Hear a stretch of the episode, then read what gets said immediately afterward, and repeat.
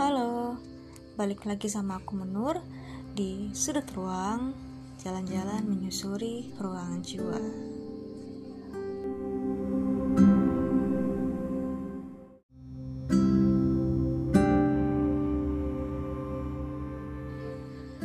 Oke, okay, jadi hari ini tuh uh, hari Minggu malam sekitar jam 10 lebih menjelang jam 11 malam.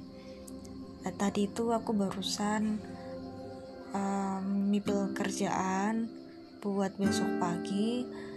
Terus sebelumnya itu aku bikin story di Instagram terkait dengan depresi dan suicidal thoughts terus support system sedikit tentang itu.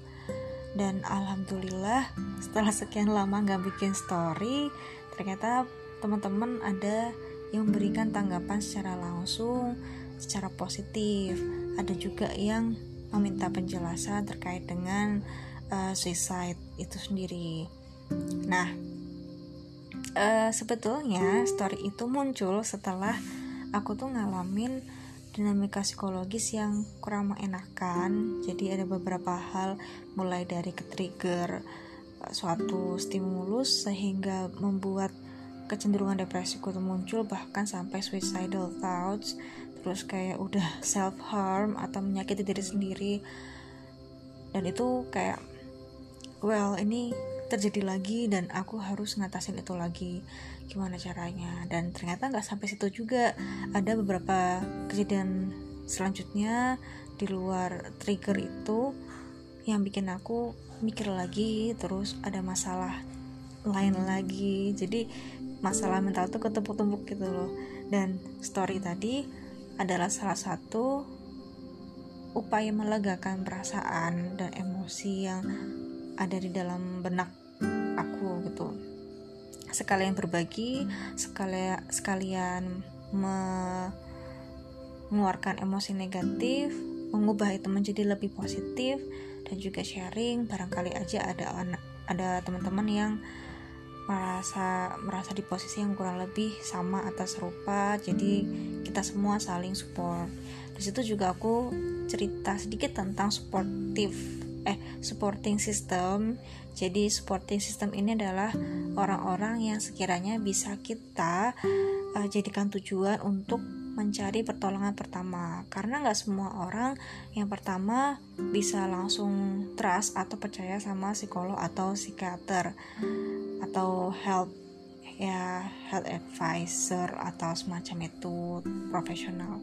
Terus yang kedua teman atau keluarga itu adalah orang yang paling dekat dengan kita untuk dimintai pertolongan itu pun kalau sekiranya memungkinkan jadi nggak selalu harus teman harus keluarga tapi siapa pun yang kita anggap sebagai orang yang mampu untuk membantu kita pertama kalinya.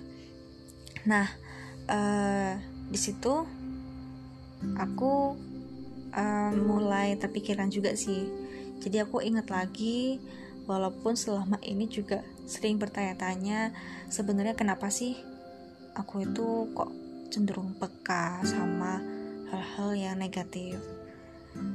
Jadi tuh dulu pernah waktu pertama kali ke psikiater itu adalah titik balik kenapa um, jadi ngerti lah kenapa bisa ada muncul rasa rindu atau kangen sama perasaan dan emosi depresi itu. Terus kata psikiater aku itu karena aku itu ingin dan mau berteman dengan depresi. Suatu hal yang agak-agak lucu sih. Sedikit kurang masuk akal tapi ya it's true. Itu betul-betul ada. Dan ternyata ya ada sisi positifnya juga sih. Sisi positifnya itu jadi lebih peka ada orang lain yang misalnya ngerasa kurang nyaman di situasi tertentu dan di situ aku harus nolong dia atau seenggaknya membantu dia secara tidak langsung untuk lebih merasa nyaman.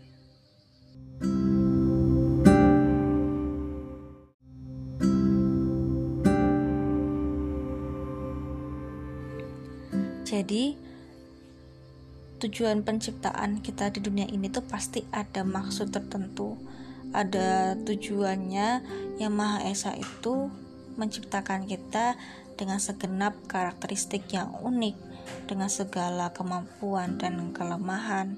Dan mungkin kita juga ngerasa ada kelemahan kita.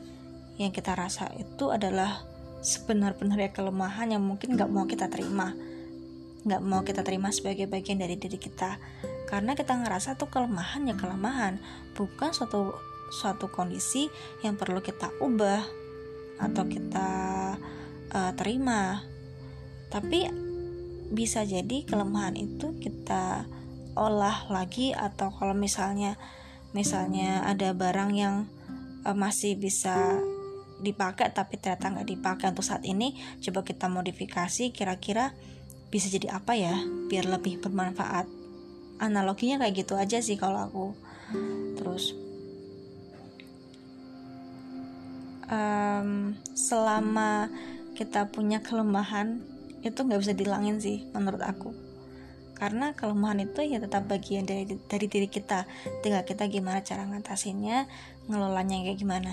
Kayak misalnya uh, secara personal aku tuh bingung kenapa punya karakter perasaan yang kalau ada kondisi yang gloomy atau kayak suram-suram kayak gitu tuh seringnya peka dan cepet banget buat menangkap oh ya orang ini sepertinya lagi tidak dalam kondisi yang baik. Jadi langsung memposisikan diri buat tidak uh, melakukan hal-hal yang sekiranya nge-trigger dia gitu.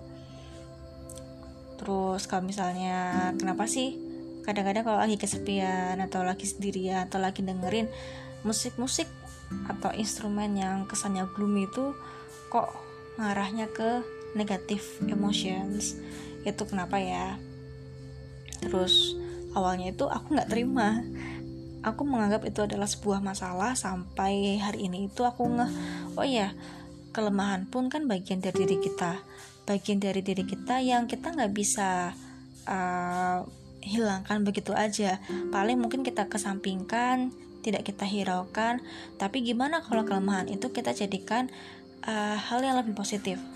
Dalam arti kita terima itu sebagai kelemahan terus kita modifikasi sehingga kelemahan itu bisa lebih bermanfaat. Caranya kayak gimana? Tergantung uh, kreativitas kita atau tergantung tujuan hidup kita apa. Kayak misalnya aku itu emang sejak awal ngerasa depresi uh, sampai self harm sampai suicidal thoughts itu waktu 2016 2017 gitu. Bahkan sampai sekarang kadang-kadang kalau lagi ada emosi negatif yang tidak bisa ditampung sendiri biasanya aku share di Instagram story. Kebetulan aku private kan jadi nggak aku public banget. Aku private terus uh, aku berusaha ketika mengeluarkan emosi negatif harus ada keseimbangan. Kalau ada negatif emotions yang aku share berarti aku harus membuat statement atau aku harus membuat dinamika yang lebih positif setelah uh, pengeluaran emosi negatif itu. Jadi uh, tidak semata-mata koar-koar marah-marah atau gimana tapi kayak menemukan simpulan sendiri uh, what should I do buat ngebalance semuanya? Atau kalau emang aku bisa aku pun ingin motivasi diriku sendiri dan mungkin itu bisa motivasi orang lain juga dengan aku share-share seperti itu. Jadi bagiku itu adalah kelemahan dalam hal emosi negatif aku modifikasi menjadi lebih lebih bermanfaat. Kayak misalnya aku bikin story terus ternyata teman-teman ngerespon entah itu menyemangati diri aku sendiri entah itu ada yang um, share pengalaman atau ada yang berterima kasih karena sudah share story tersebut karena dia jadi ingat sesuatu yang harus dia uh, lakukan gitu. So tonight is very uh, bukan happy sih bukan happy kayak lega aja gitu. Lega cukup lega karena ya ternyata masih banyak orang-orang baik yang mau uh, bareng sama kita. Ketika kita down cobalah ingat. Walaupun belum sampai ke dalam hati ingat dulu orang-orang itu banyak yang nunggu kontribusi kita gitu loh. Dalam bentuk apa saja. Jadi sebetulnya ketika ada negative thinking negative emotions itu bukan kondisi yang selalu kita turutin gitu loh. Apalagi kalau sampai ke membuat kita bahaya danger danger situation. Itu berarti kita coba pakai uh, rasionalisasi kita. Kira-kira tuh masuk akal nggak sih? Ketika ada masalah pengen bunuh diri masuk akal dalam arti apakah itu jalan terbaik untuk kita menyelesaikan masalah mungkin kita perlu melabeli bunuh diri ini adalah sebagai hal yang negatif. Jadi kita perlu mempositifkan itu atau mengelola pikiran itu dengan cara mencari bantuan. Semua dari kita itu adalah berharga. Kita semua itu berharga, kita berhak untuk hidup lebih bermakna. Jadi semangat dan terima kasih bagi kalian uh, yang sudah berjuang selama ini secara personal aku senang sekali dan lega karena kalian masih berusaha untuk tetap hidup. Berusaha memperbaiki kehidupan berusaha memaknai. Pokoknya kalian masih ada di dunia ini tuh setelah mengalami banyak masalah banyak cobaan banyak beban ternyata kalian masih bisa berdiri masih bisa mendengarkan suaraku di podcast sudut, sudut ruang ini berarti kalian masih ada dan ada untuk bermanfaat. Apa ya? Ada untuk ya sebetulnya kan kita hidup untuk diri kita sendiri juga. Jadi kita hidup untuk Tuhan untuk yang Maha Esa untuk Allah. Terus kita dimotivasi oleh diri diri kita sendiri gitu loh utamanya motivasi dari apa ya tataran manusia itu dibandingkan orang lain. Motivasi kita kita tuh adalah kita adalah motivator terbaik untuk diri kita sendiri gitu. Jadi kalau kalian sampai sekarang masih bertahan terima kasih sudah bertahan dan berjuang selama ini. So I think it's enough for today for tonight. Kita udahan dulu ya ngobrol-ngobrol satu arahnya. Mudah-mudahan ada kesempatan untuk ngobrol dua arah atau bahkan mungkin lebih dari dua arah.